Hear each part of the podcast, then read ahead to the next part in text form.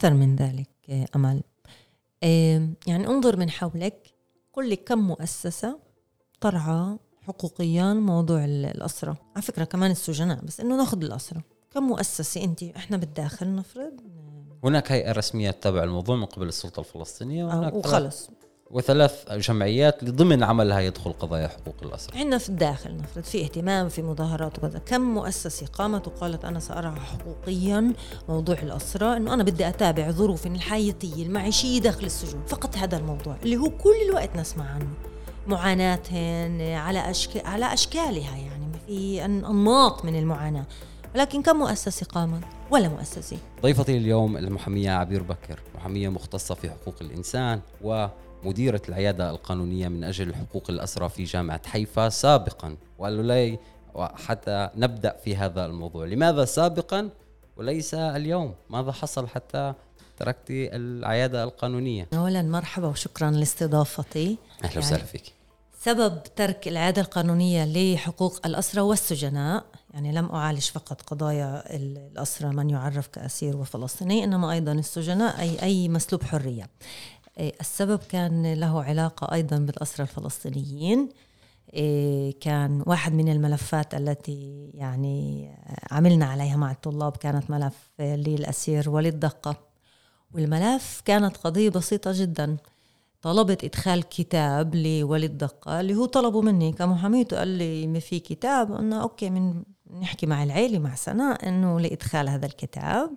والكتاب كان يحكي عن لغة السجناء داخل السجون عامة في وهذا في أبحاث عن اللغة التي تستخدم داخل السجن اللي عادة اللي يعني السجناء بيطوروها من خلال يعني مكوثهم داخل السجن. على على حديث إنه السجن هو عالم موازي تتطور فيه لغة خاصة. تماما تماما. وفي في كلمات يعني أنا حتى حتى على فكرة أنا مع الوليد دقة جمعنا كلمات خاصة للفلسطينيين. على سبيل المثال أعطينا كلمة بيستعملوها الاسد طبعا. في كلمة البورش بورش تخت يعني السرير ما يعني في كلمة أنا نفرض أنا لم أسمع هاي الكلمة المرة فهي حتى نفرض إذا بدك باسل غطاس كان في السجن بس طلع كلمة البرج صارت يعني يستعملها كأنه كفخت وكأنه بنستعملها من, من مخلقنا. في قضية تحميض صور ماشي؟ ميل كلمة. اللي أنا ما قلت له طيب بنحمض صور بنحمض صور عادة بنعرف فيلم بنروح على زمان لسه صار شوي الأمور تختلف تقنيا تكنولوجيا.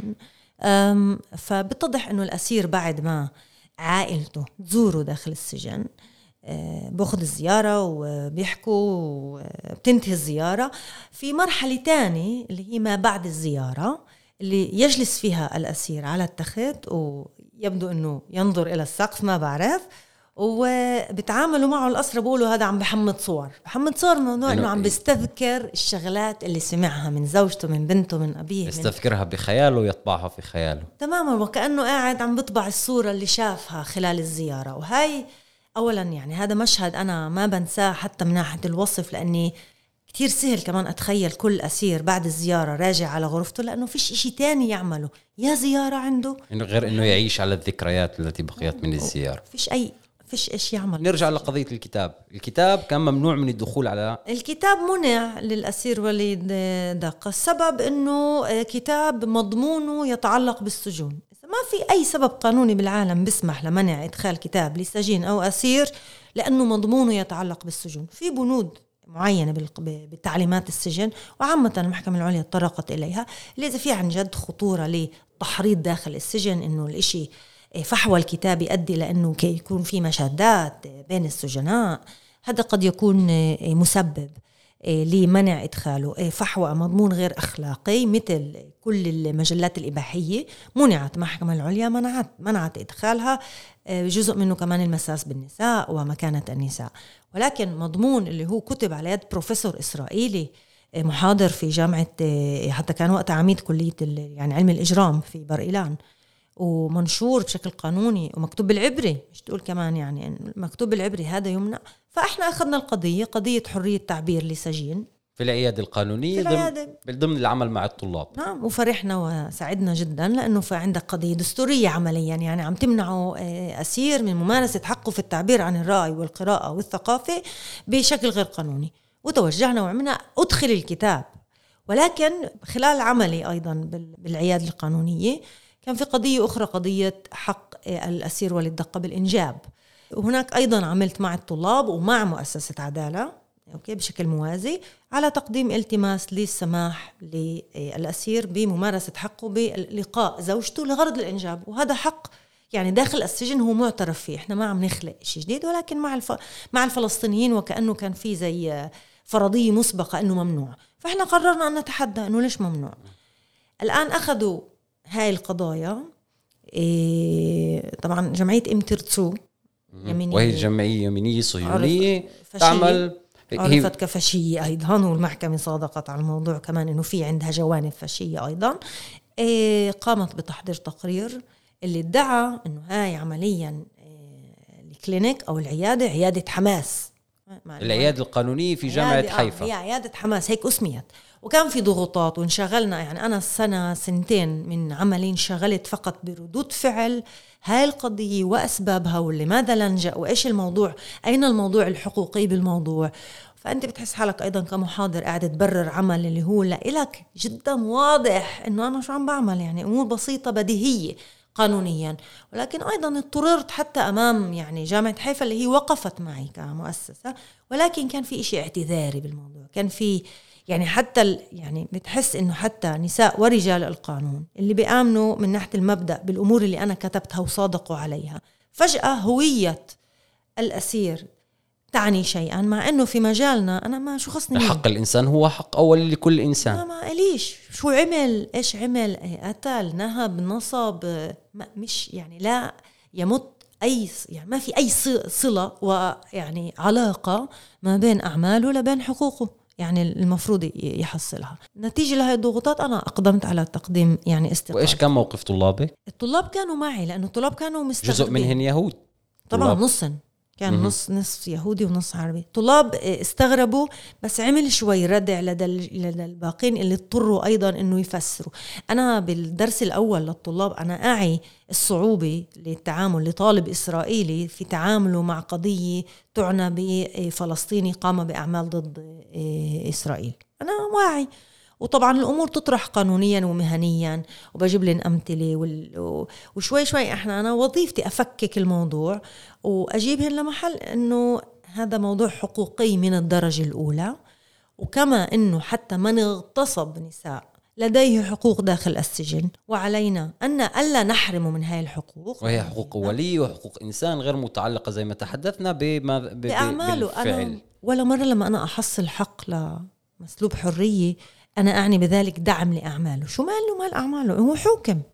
زلمه قاعد قاعد يعطي من حريته داخل السجن. ولكن بهذا الموضوع الطلاب وجدوا نفسهم في لب معركة وهناك تحريض عليهم داخل الجامعة وجمعية فاشية تعمل على إغلاق العيادة القانونية اللي هن يتعلموا فيها. صحيح. الإغلاق عمليا أنا وكأنه ترى يعني أنا استقلت لأنه ما شفت حالي ما عم بأدي دوري المهني الأكاديمي إنما أكثر قاعدة أعمل ردود فعل وأفسر. هل بتقولي أسرى سياسيين صحيح أم لا؟ في سمعوك. الآن اللي اتضح لي كمان واللي هون الموضوع اللي أكثر ألمني إنه بيتضح إنه تقريبا على مر سنتين كان كان يزرعوا طلاب عندي بالكلينيك اللي هن بالعيادة اللي هن جايين لحتى يوثقوا يوثقوا محاضراتي يوثقوا توجهاتي الأمور ال...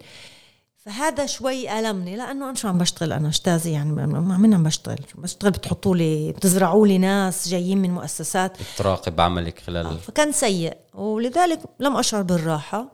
المؤسسة كجامعة. يعني ما ما إلي ما ما بقدر أحكي إنه هي بالفعل كانت آه، يعني معارضة. شجعت هي أصلا صادقت على كل ملف وكانت متكلة وعلى ثقة إنه في في سبب قانوني حقوقي ليش إحنا نلجأ. وبالعكس كان في تحدي آه، بس آه، بالآخر أنت تشعر إنه أدائك عم بيكون أكتر ل يعني تطيب خواطر وتفسيرات ومش بس بصير عندك كمان رقابة ذاتية على حالك. يعني أنت تبدأ أوكي استئجان ثلاث ملفات ماشي مين آخذ منهن؟ إذا اثنين أسرى فلسطيني وواحد مدني. بتصير بالعقل الباطني بلكي أخذت المدني بس عشان أخفف ضغوطات. نوع من التصفية الذاتية آه. عشان ما تقع في مشاكل. نعم وهذا سيء. هذا اعتبار أنا أكرهه أنا لا يعني ما بشوفه. هذا اعتبار سيء ولكن بدخل عندك لما أنت بدك تنجح وكأنه زي اعتبارات اللي لدى المؤسسات والجمعيات. أحيانا بيختاروا موضوع معين يركزوا فيه لأنه في عليه تمويل لأنه العالم عم بيحكي عنه مش لأنه الحاجة ملحة أكثر آه، بأرض الواقع أو من ناحية حقوقية يعني اللزوم التدخل فيه آه، هو أكبر من غيره. بعد عدة سنوات من العمل في داخل الجامعات وتدريس الحقوق الأولية للأسرى ومسلوبين الحرية شو حسب رأيك أهمية أنه الأكاديمية تتطرق بهذا الموضوع أو أنه تعليم القانون يتخلل قضايا من هذا النوع الأكاديمية الإسرائيلية. مهم جدا لسبب واحد إنه كل المعلومات المستقاة عن الأسرة والفلسطينيين هي فقط من أخبار الساعة 8 فيش عندك أي معلومة أخرى غير العنوان فلان قام بعمل واحد اثنين ثلاثة وهي نتيجته والمحكمة حكمت عليها النتيجة؟ ما عندك التفاصيل. يعني كل كلية القانون خذ أي دورة للمجال الجنائي. أنت كيف بتثقف الطلاب؟ يعني من خلال قراءتك لقرارات محكمة عليا وما بين وبين الأسطر. وأحيانا أنت تستضيف حتى المحامي اللي ترافع في هاي القضية ليكشف لك أسرار كانت اللي هي القضية لم تتحدث عنها. المعلومات غير متاحة حول هذا الموضوع؟ المعلومات مش موثقة لأنه ما في أي يعني ما في أي اهتمام. من محاضرين لأنهن يوثقوا بأبحاثهن حتى بطلباتهن لتمويل أبحاث. ولكن قضايا الأسرة تقع في لب القضايا الدستورية وقضايا حقوق الإنسانية للأسرة تقع في لب القضايا الإسرائيلية وهي تشغل أماكن مختلفة في العالم في أمريكا على سبيل المثال كان هناك قضايا كبيرة في أوروبا وإسرائيل تعتبر نفسها يعني محكمة العدل العليا تعتبر نفسها ليبرالية كمحاكم أوروبية وأمريكية وكندية ولكن رغم ذلك الأكاديمية الإسرائيلية لا تتطرق بتاتا إلى هذا الموضوع. الأكاديمية لا يعني مؤخرا في أكاديميين إسرائيليين اللي هن متواجدين خارج البلاد. اسس مدار بنتان اللي هي بالأساس كانت محامية وحاليا يعني درست عملة الدكتوراه فهذا موضوع لبحثها آه، في كمان يعني شخصين اللي أنا على علاقة معهن في يعني قلائل اللي آه، أبدوا اهتمام ك... مش كشخص اللي بتظاهر من أجل الأسرة في إسرائيلي ولكن أنا كموضوع بحث زي ما انت تبحث أي شيء. يعني حتى في مرات مواضيع كثيرة وإحنا بنعرف يعني بالأكاديمية مرات بصير يضحك والكاتب مقال كامل على هاي على هاي التعليمات وشو السيره لا إنه لما بدك أنت كاكاديمي تبحث موضوع في زي خوف من الصبغة. يعني في دكتور سيجال شاهف أنا بعرفها هي صديقة وكانت لولا ما إنها كانت محامية بجمعية حقوق المواطن يعني أشك إذا كان دكتوراه يعني تجرأت إنه تعمل دكتوراه على هذا الموضوع اللي هو كل ما خصه بالتهم على أساس أمني ما يسمى. بس الأكثر من هيك يعني التعامل مع الأشخاص إنه أنت فيش أنسنة للناس. إحنا شو ميزتنا المحامين؟ أنا بشوف لائحة اتهام. أوكي معترف محكوم سنتين عشر سنين 68 مؤبد في عندي ناس ماشي. بس أنا بشوف الأوراق أذهب إلى الشخص وأقعد معه. أنت بتسمع. في عندك حدا بتجاوب معك وأنت بتكتشف كمان يعني في كل شخص هو عالم بحد ذاته. فأنت يعني حتى تعرف شو حتى ظرف الاحتلال موضوع إنه أنا ولدت في أراضي محتلة نشأت بمحل اللي هو فيه بس آه، يعني آه، الجنود والعسكرة وكل هاي عيشتي. هذا هذا غير وارد ب حتى بالمحاكم بمحاضر. موضوع الاحتلال وقصة إنه الظروف السياسية اللي بيعيشوها حتى الاجتماعية. مش موجودة ما فيش إلها ذكر. أنا قرار الأحكام ولا مرة شفت إنه طب واحد سارق سيارة مش باجي على المحكمة وإذا اعترف وبصير وببلش أحكي إنه في عنده ظروف اجتماعية سيئة تم الاعتداء عليه من فلان من علان أبوه أه، أهله انفصلوا في أمور اجتماعية اللي هي مهمة مش عشان أشفق. عشان أفسر ليش الخلفية هذا الاجتماعية التي دفعت هذا الشخص لارتكاب هذا النوع من الجرائم تماما واللي إلها علاقة بالعمل اللي, اللي قام فيه. إنه شخص نشأ لهاي الأجواء والمناخ آه اجتماعي سيء. فإنه هذا مسبب لحتى يلجأ لهي الطرق لتوفير آه مبلغ بسيط من أجل تعرف شو مرات حتى السموم. في تفسيرات الناس مش مش بتخلق معها. يعني تولد مع بندقية بتبلش تطلق آه، يعني النار على الآخرين. في حتى هاي مش موثقة ومش واضحة. يعني أنا كمحامية لما أمثل أمام المحاكم بقضايا ل- ل- لاسرى خلال لقائي معهم في السجون مهم لإلي كتير. أقول لهم قولوا لي شيء عنكم. مين انتو وين خلقت؟ اللي بيقول لي بكوبر. بشوف الفترة هاي. في فترات نفرض زمنية معينة بقرى معينة اللي تم فيها إغلاق تام للق- للقرية. ال- الجنود كانوا يفوتوا يسكروا يعني كان في حظر تجول في إيش ينحكى إنه هذا الشخص ولد. بداخل هذه الظروف. تماما. إسا هذا لا يعك هذا لا ينعكس في أي. الآن بفهمه إنه قضايا الاسرى وحقوق الاسرى ومسلوبين الحريه غير موجودة في إيه، الحديث القانوني الإسرائيلي لا في داخل المحاكم أو في داخل الاكاديميا و- وهي قضايا لا تشغل أيضا جزء كبير من الأكاديميين الحقوقيين الإسرائيليين لأن حسب رأيك هذا الشيء فيه أنسنة للاسرى والمنظومة الإسرائيلية لا تريد أن تتعامل مع قضايا مع الاسرى إيه، ك- كبشر أو كإنسان يحمل الحقوق إنما تتعامل معه كأرقام وكمعطيات اللي هي لا تدخل فيها المشاعر. أكثر من ذلك آه، أمل. آه، يعني انظر من حولك قل لي كم مؤسسة ترعى حقوقيا موضوع ال- الاسرى على فكرة كمان السجناء بس إنه ناخذ الاسرى كم مؤسسة؟ انت إحنا بالداخل نفرض. هناك هيئة رسمية تتابع الموضوع من قبل السلطة الفلسطينية وهناك آه، وخلص. وثلاث جمعيات اللي ضمن عملها يدخل قضايا حقوق الاسرى عندنا في الداخل نفرض في اهتمام في مظاهرات وكذا كم مؤسسة قامت وقالت أنا سأرعى حقوقيا موضوع الأسرى أنه أنا بدي أتابع ظروف الحياتية المعيشية داخل السجون. فقط هذا الموضوع اللي هو كل الوقت نسمع عنه. معاناتهن على أشك... على أشكالها يعني في أن- أنماط من المعاناة. ولكن كم مؤسسة قامت؟ ولا مؤسسة. فيش ولا مؤسسة. حتى أنصار السجين التي أغلقت ما كانت حقوقية من الدرجة الأولى كانت أكثر معونات مع العائلات إيه، نضالات إيه، دعم. ولكن يعني بتفكر إنه ولو لسه طب ليش ما فيش مؤسسة؟ قامت. السبب أيضا تخوف إنه أن تصبغ إنه هاي صبغة. أو يتم إغلاقها أو يتم. محاكمة أص... الاحتمال- القائمين عليها. تمام زي ما أنا لسه بترافع كتير عن أسرى فلسطينيين أنا مسرسبة. لأنه أنا إذا لاقوا معي قلم اللي هو مش شفاف وفات بالغلط على السجن إيه، التعامل معي يختلف من X إسرائيلي فايت يشوف آه، واحد آه، قاتل جاره ماشي؟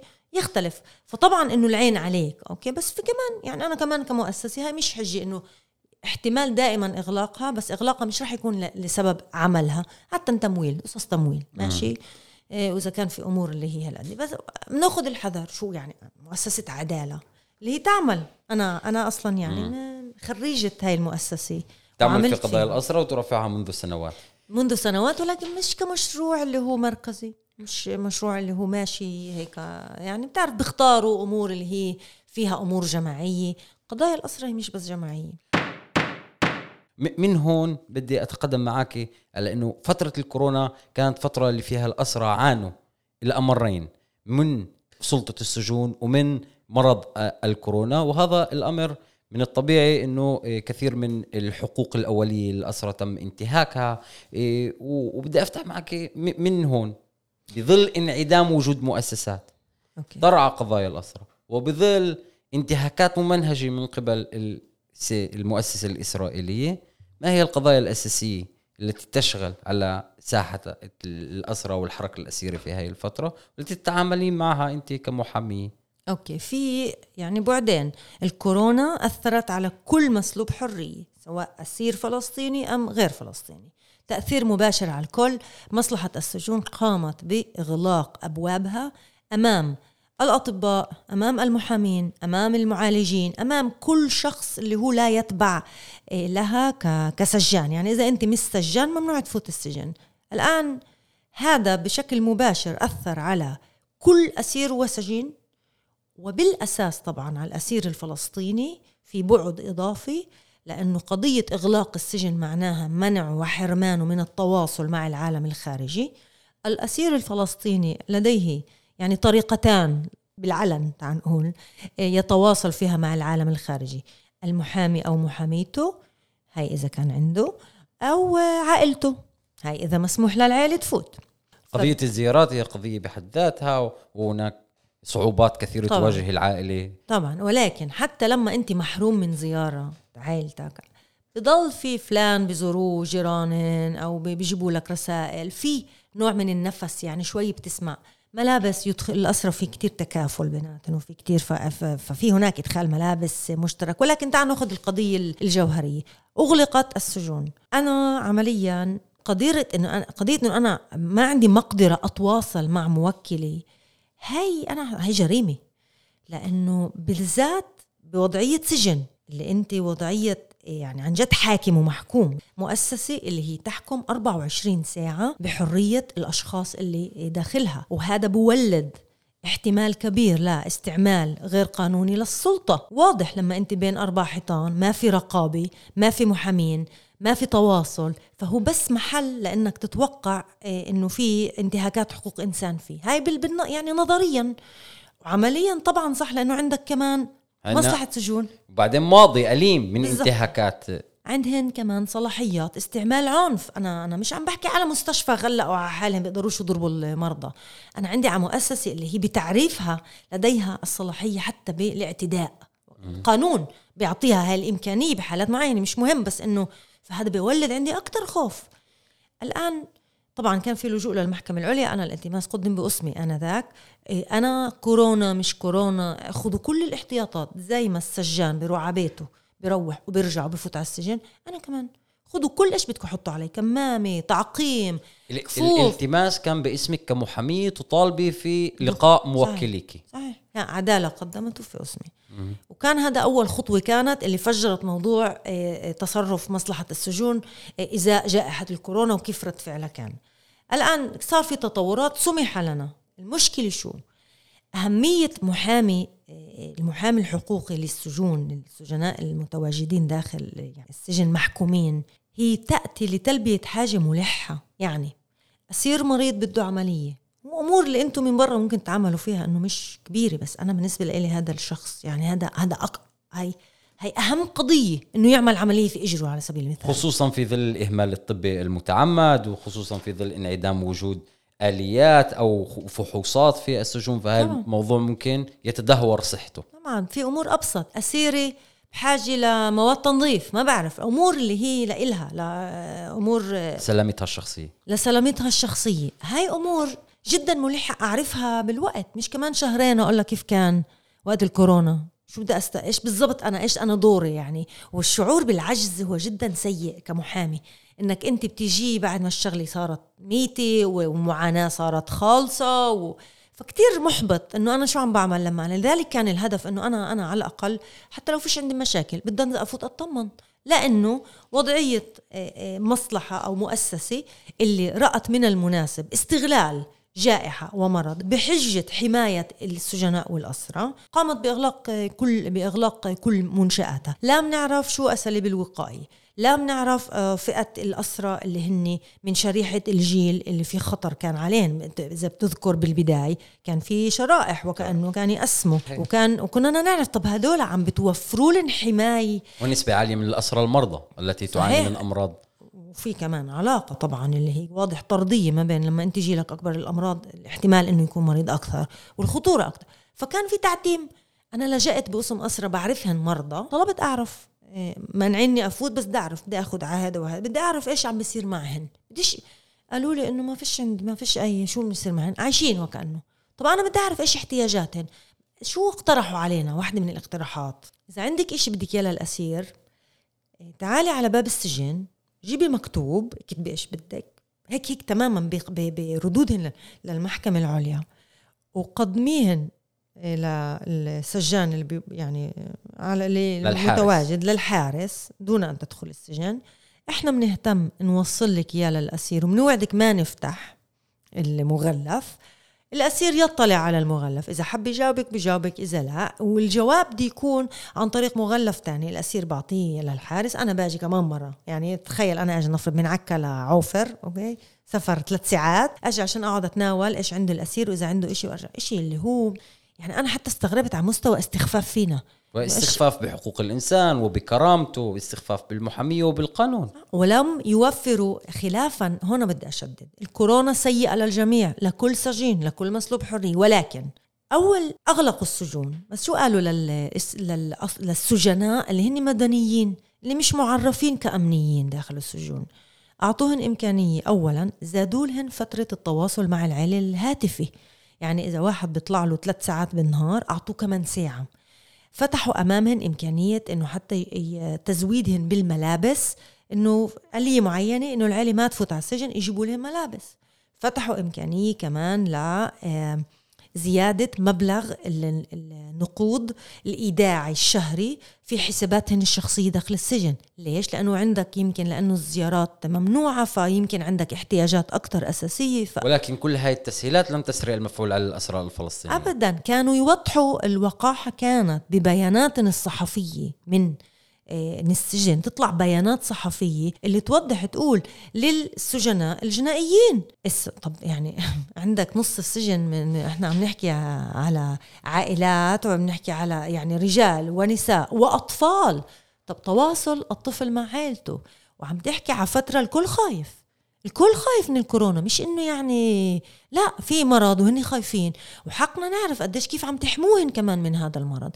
هن قالوا طالما أنتم بتجوش على السجون إحنا هن تمام الأسرة تمام ماشي؟ وكأنه هاي الطريقة الوحيدة اللي السجن وجدها إنه إحنا نحافظ على حياة الأسرة هو منع دخول العائلات والمحامين. من هون كانت المعارضة. على حساب حقهن الأولي على حساب كل حقوقهن عمليا ما مارسوا أي حق. وقضية الكورونا لم تنتهي عند هذا الحد فيما بعد انفجرت على الساحة الإسرائيلية قرار بمنع التطعيم إيه، الأسرى ورأينا وزير الأمن الداخلي الإسرائيلي يدافع أمام إيه، الصحافة على إنه لا نريد تطعيم الأسرى الفلسطينيين ضمن في ظروف اللي هم مكشوفين فيها لمرض الكورونا بدون رعاية أي رعاية صحية. خليني هون هيك أصلحك أذكرك بالشغلات. كيف صارت؟ لما طلع الخبر للإعلام ذكر موضوع الفلسطينيين. للإعلام إنه وزير الأمن الداخلي حكى إنه إسا مات آه، آه، طعموا الأسرى الفلسطينيين هيك هيك تفجر. فيما بعد نفس اليوم أنا طبعا كمان تعمدت إني بدي أطلع على المكتوب على الرسالة. الرسالة رسالة الوزير الأمن الداخلي لم تتطرق للأسرى الفلسطينيين تطرقت للجميع.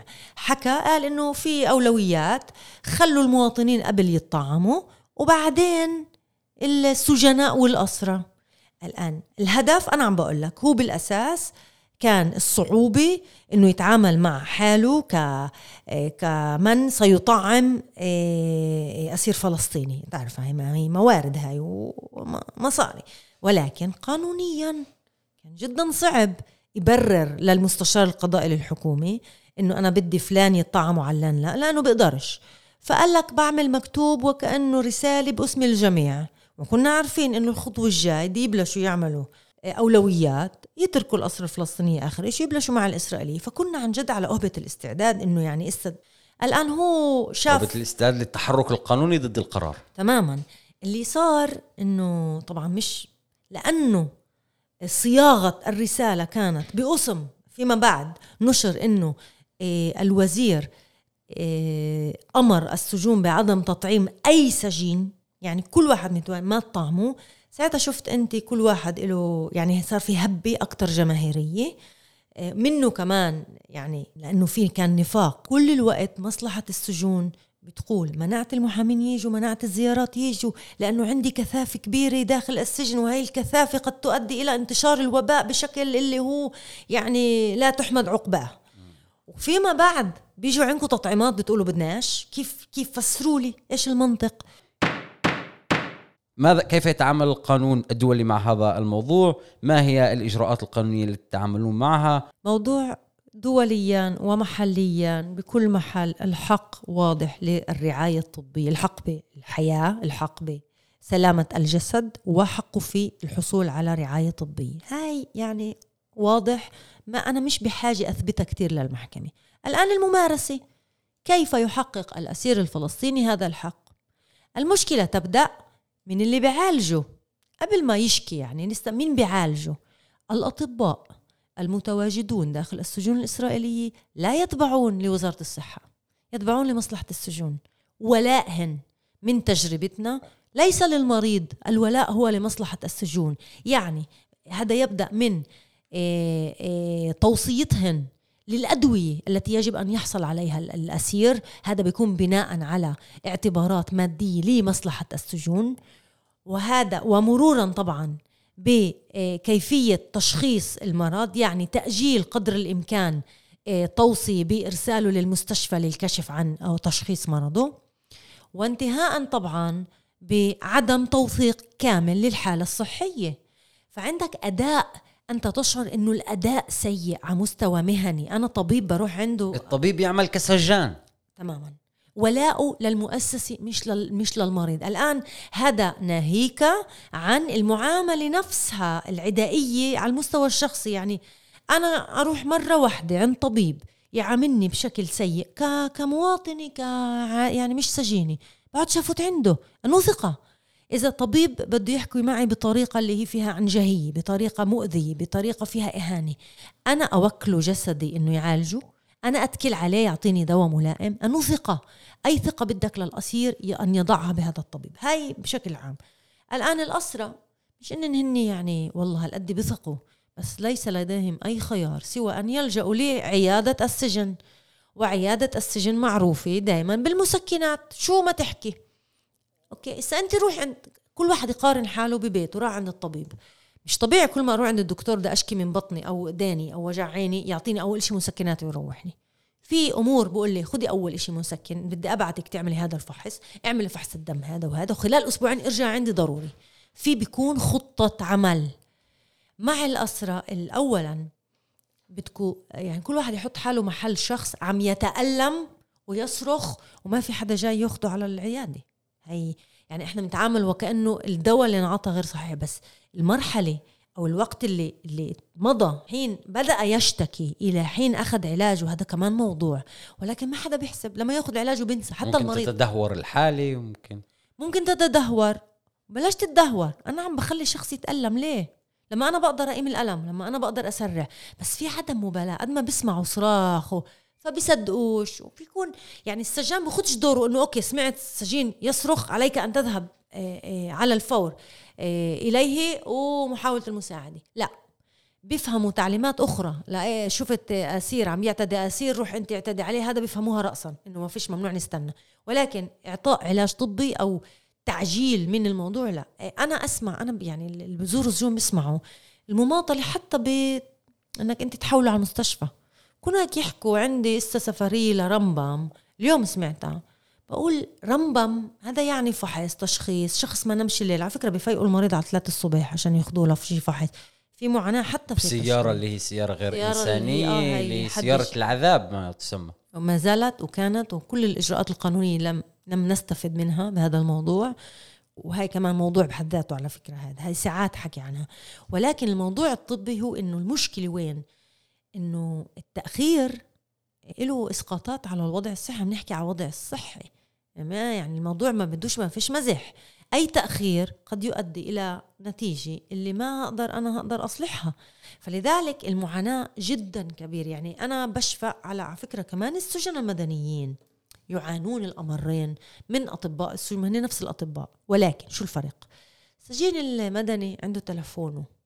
بيرفعوا لمحاميه لامه لاخته بقيم الدنيا وبقاعدها إذا هو موجوع وما حدا مهتم. وأنا أعالج قضايا مدنيين.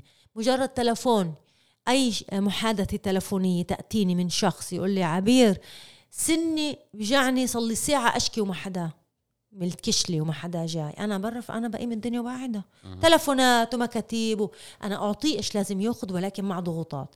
لأنه في اتكال لدى مصلحة السجون إنه فيش بكيات لدى الاسرى الفلسطينيين. فيش عندن مين يقيم الدنيا ويقعدوا عم بحكي لك يا صراحة.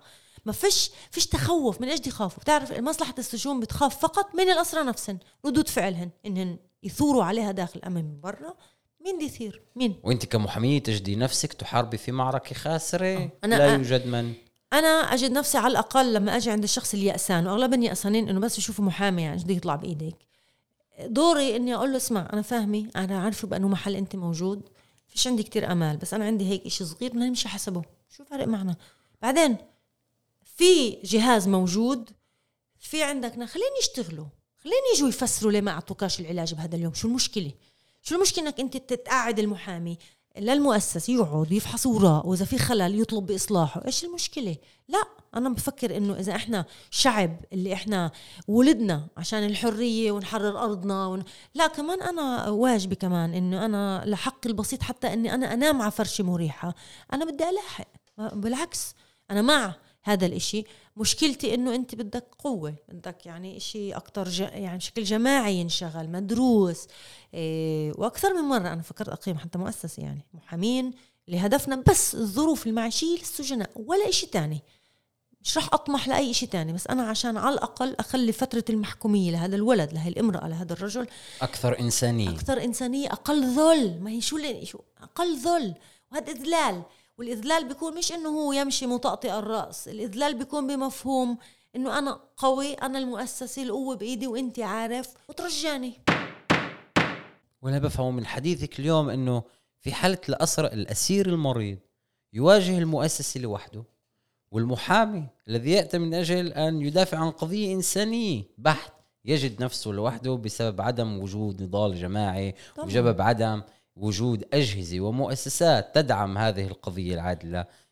المؤسسات الموجودة قليلة في الضفة حريات والهي موجودين ولكن أنت بدك أنا أنا أمنيتي إنه كل طبيب فلسطيني يشعر إنه من دوره أن يؤدي يعني مهام في هذا الموضوع. بمعنى مش إنه يكون عندي ثلاث أطباء ادخلهن السجون كل مرة وأطلب لا إن أنا أعمل مجموعة أطباء يقولوا إحنا مستعدين لخدمة الاسرى في أي موضوع وبتعرف شو كمان؟ بي بي يعني مش هقول مجاني لأنه كمان الوضع الاقتصادي لهي الناس مش مش مش أحسن ما يكون. فأنا بدي إنه كل مهني يشعر إنه عنده دور في هذا الموضوع ليس فقط الحقوقي. أنا أحتاج إلى طبيب ليقرأ لي التقرير الطبي هل صحيح ما يدعيه الطبيب؟ لأنه بيجيبوا لك هيك الدكتور بيحكي والمحكمة بتقول لي إيه طبيب السجن. هيك حكى. أنا بدي أجادل يعني بدي أجادل الطبيب. وأنا أيضا كمحامية لا أستطيع أن أجادل. أنا لدي بس شيء واحد. موكلي اللي هو يتألم ما زال يتألم على الرغم من الأدوية التي تعطى له. إيش نعمل؟ إيش الحل؟ فأنا بدي طبيب. بدي شخص يقول لي عبير أنا أنا مجند. اللي بدك إياه ابعتي لي. إحنا نحن بحاجة. الاسرى هو موضوع آه، عمال اجتماعيين أخصائيين نفسيين اللي أنت ذكرت ما بتواجدوا للنساء. أنا عندي لازم أخوض معركة فقط إنه يتواجد أخصائية نفسية للنساء. وطبيبة نسائية في في القسم الموجود في النساء كله القسم الواحد الدمون. من مهتم عن جد بقضايا؟ هتعرف شو؟ حتى على مستوى مؤسسات نسوية وأنا حاولت. خذوا مشروع السجينات والأسيرات. كمان السجينات الموجودات يعانوا من الأمرين عانوا وهدول أغلبهم بيكونوا معتدى عليهم جنسيا وبحاجة. ولكن في إشي منسي في إشي زي خلينا نبتعد نتضامن مع إطلاق سراح وننسى الفترة كلها اللي أمضاها الشخص داخل السجن. إنه أنا تضامن يجب أن يكون مع اليوم يوم تبعه قبل ما أتضامن معه وقت إطلاق سراحه والحمد لله على السلامة صراحة يعني. ومن بابنا إنه نثور مزبوط مؤسسة. يعني مؤسسة كتير سوداوية الوضع بيكون ومتشائم بس هاي بكل اللي شو بمجال الأراضي يعني الوضع أحسن. أحسن؟ لا بس بدك بدك تحسس المؤسسة إنه أنا ثائر قانونيا بالأدوات المتاحة لدي. هدول الأشخاص عندهم بكيات ما يسمى. عندهم بكيات. بهذا الصوت. وبهاي الدعوة العامة لجميع المهنيين ولجميع الإخصائيين ولجميع المستمعين الانضمام إلى قضية عادية زي قضية الأسرة. بحب أنهي الحلقة معك اليوم. شكرا جزيلا لك على المعلومات وعلى الالتزامك من أجل قضية إنسانية كبرى ومن أجل المحافظة عن أكثر الشرائح مستضعفة في واقعنا الفلسطيني. المحامية عبير بكر شكرا لك زملائي وأصدقائي لا تنسوا متابعتنا عبر منصة عرب 48 وتطبيقات البودكاست لحلقة جديدة وملف جديد من برنامج دستور أنا أمل عرابي أحدثكم من حيفا وحتى الحلقة القادمة لعله خير.